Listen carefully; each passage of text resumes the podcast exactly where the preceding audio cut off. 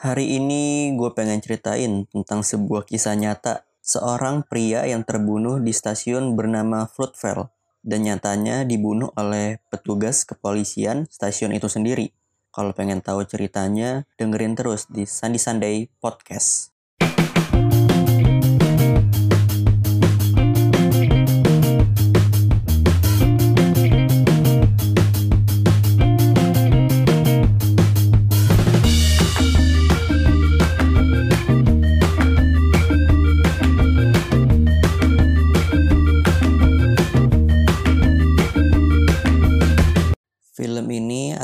Film debut pertama dari sutradara bernama Ryan Coogler, yaitu saudara yang pernah bikin film Black Panther.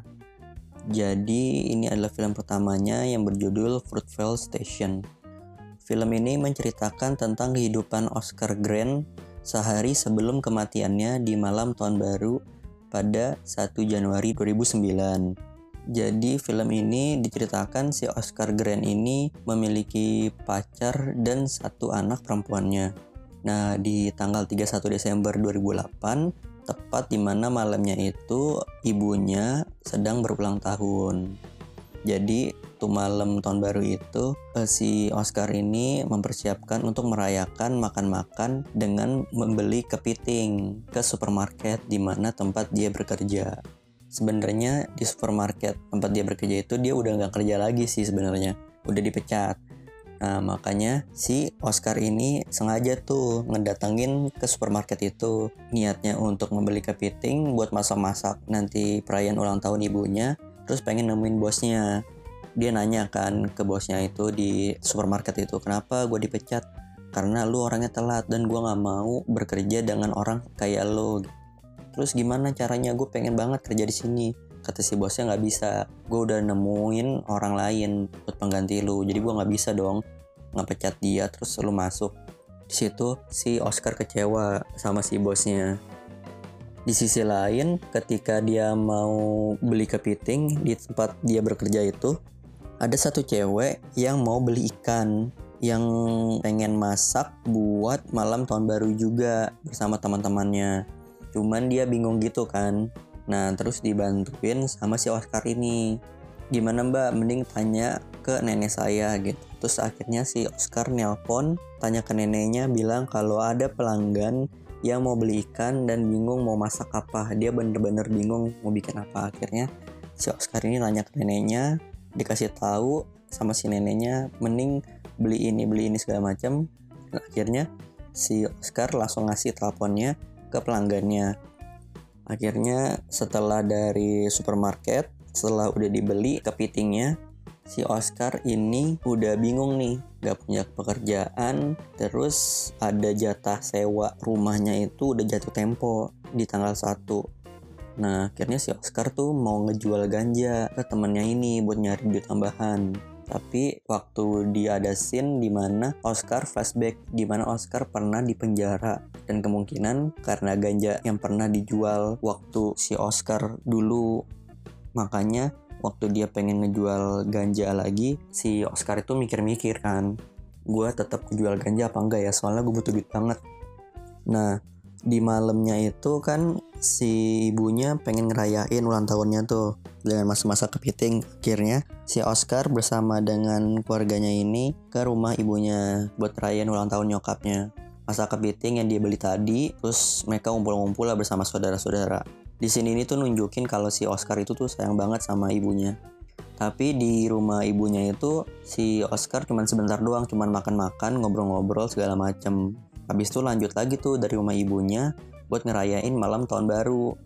Nah tapi karena ada anaknya, si Oscar ini nitipin anaknya dulu nih ke saudaranya gitu, ke saudara ceweknya.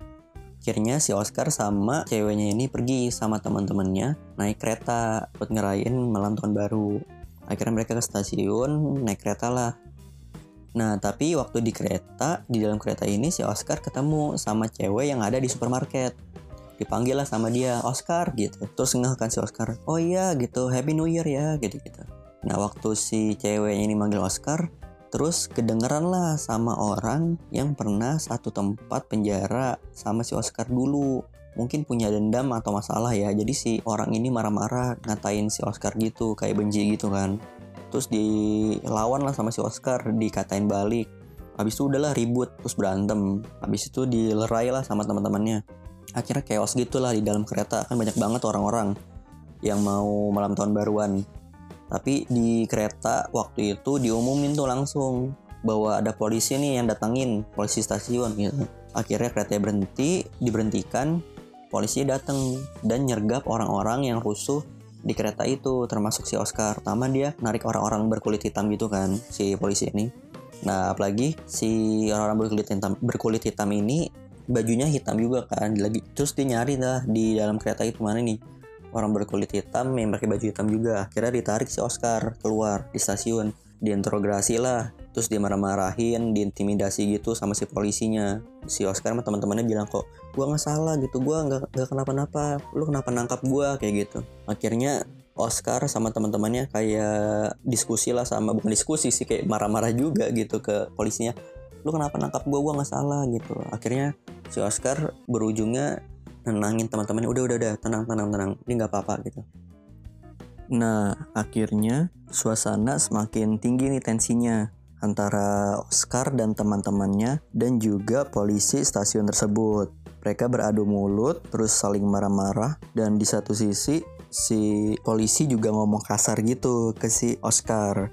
Ngomong niga-niga kayak gitu kalau nggak. Nah, salah satu polisi tersebut mulai narik tangannya Oscar dan naruh ke belakang punggungnya. Menengkurepin si Oscar ke bawah dan semakin berisik, semakin tinggi tensinya. Tiba-tiba si polisi itu narik senjata dari belakang punggungnya dan nembak ke arah punggungnya Oscar. Dan peluru itu tembus. Semua keadaan diem, bengong, dan para penumpang di kereta itu kan masih ada di sana. Mereka ngevideoin, ngedokumentasiin apa yang terjadi dan ngata-ngatain si polisi tersebut. Suasana semakin kacau, akhirnya salah satu polisi ngecoba ngeberangkatin kereta yang berhenti itu ke stasiun selanjutnya. Kereta itu jalan dan si polisi itu nyuruh ngebawa teman-temannya Oscar itu ke kantor polisi. Jadi sisa si Oscar dan si polisi tersebut. Akhirnya udah panik, kebingungan, dan si polisi itu manggil ambulans buat ngejemput si Oscar ke rumah sakit.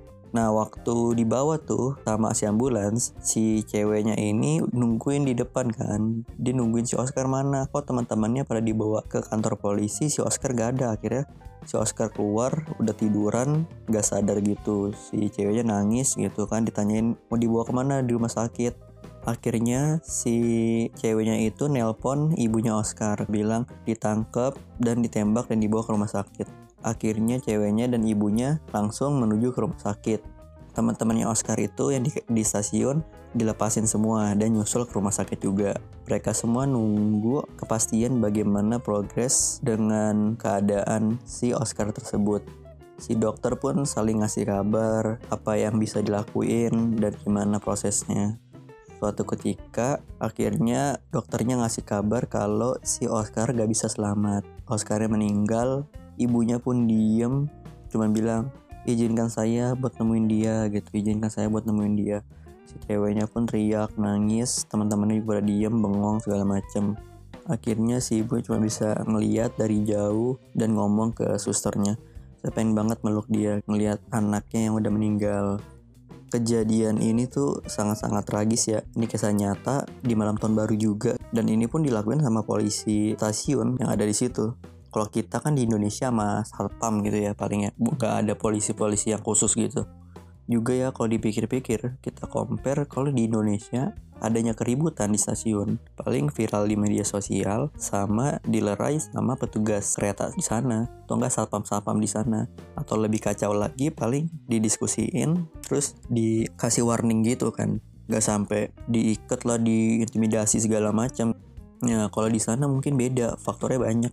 Nah menurut gue karena rasis juga sih. Karena polisinya kan kulit putih Yang bikin rusuh kan banyak Terus banyak orang kulit hitam juga Kayak geng-geng gitu disangka anak pang akhirnya ditangkap tangkapin tuh pria-pria kulit hitam dengan pakai baju yang sama diintimidasi lah segala macam gitu soalnya si Oscar ini waktu berantem kan sama temennya yang waktu di tempat penjara waktu itu Nah temannya itu tuh yang badan gede, kulitnya putih gitu kan. Nah itu dia ngumpet gitu kan. Dia nggak dikenalin dan nggak ditarik gitu sama si polisinya, malah si Oscar yang ditarik.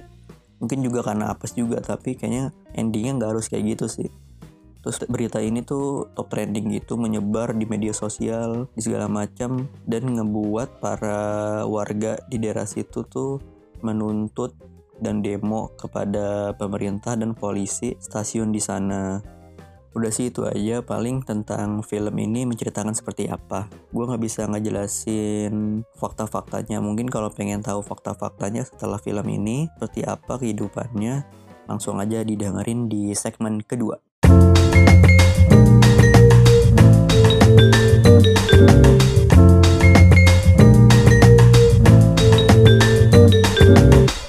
Oke, gue akan jelasin fakta-fakta dari film Fruitvale Station ini.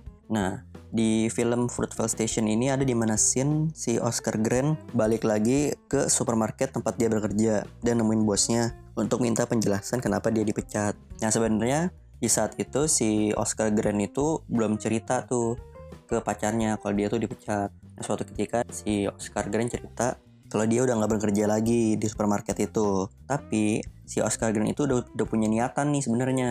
Sebelum kematiannya dia tuh udah pernah ngomong kalau ngajak pacarnya dan anaknya untuk tinggal bersama di rumah yang mereka miliki di kota asal mereka. Dan si Oscar Grant ini berencana untuk menghadiri sekolah tukang cukur gitu barber.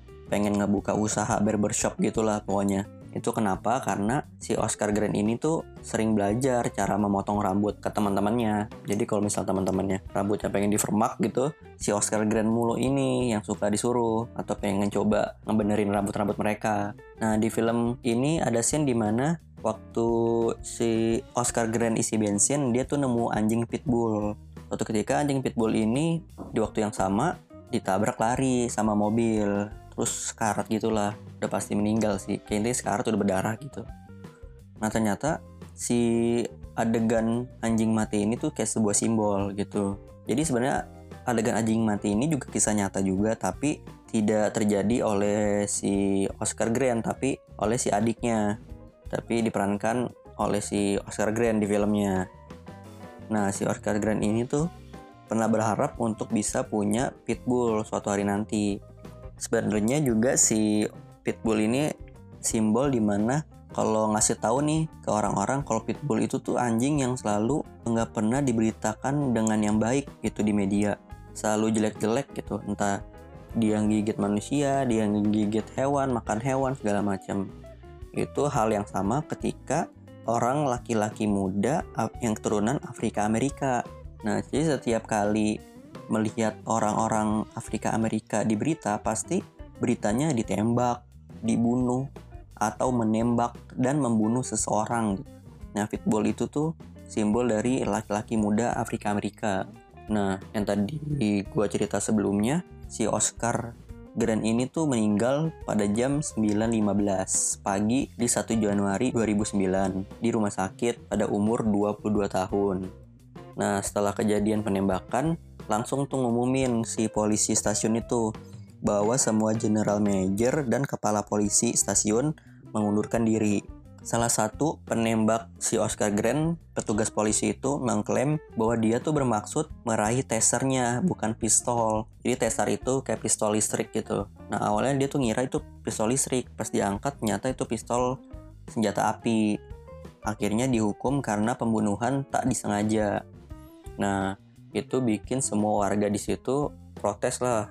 Itu tuh pembunuhan serius gitu. Nggak mungkin masa nggak bisa bedain mana taser mana senjata api yang kayak gitu.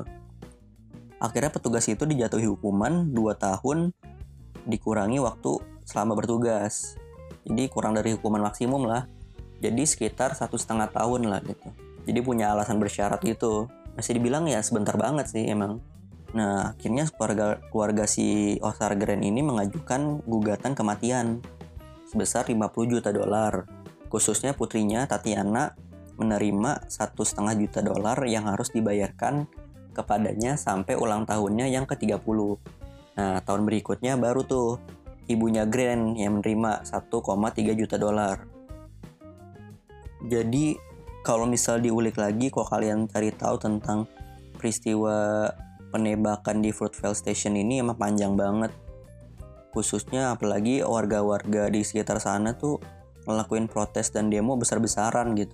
Kayak menuntut keadilan lah dengan si polisi stasiun di sana. Karena kayak ini penembakan disengaja loh. Buktinya banyak banyak orang yang videoin tersebar di internet. Tapi kenapa dijatuhinya cuma sebentar doang 2 tahun gitu? Si petugas polisi itu pun yang nembak si Oscar rasa apa ya depresi juga karena sering diancam pembunuhan terus.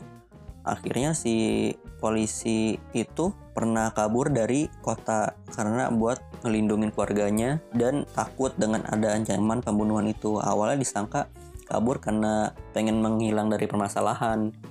Dan kabarnya polisi yang membunuh itu si membunuh Oscar udah nggak bisa jadi polisi lagi jadi udah dicabut. Jadi ada masalah kasus ini yang membuat dia udah nggak bisa lagi. Masa depannya tuh udah hilang lah kasarnya buat di kepolisian. Film ini emang tragis banget ya. Apalagi khususnya buat warga-warga di daerah sana yang selalu ngadain upacara untuk mengenang peristiwa tersebut di di depan stasiun tempat kejadian penembakan. Dan suka dihadiri oleh anaknya Tatiana beserta neneknya si ibunya Oscar ini. Semoga bisa ngasih inspirasi dan berikan gambaran kalau ke dunia gitu lewat film ini jangan semena-mena gitulah buat petugas kepolisian gitu kepada warga sipil. Udah sih itu aja. Jadi kalau buat kalian yang pengen dengerin terus cerita-cerita film dari gua di podcast Sandi Sandi dengerin terus di episode selanjutnya. Bye bye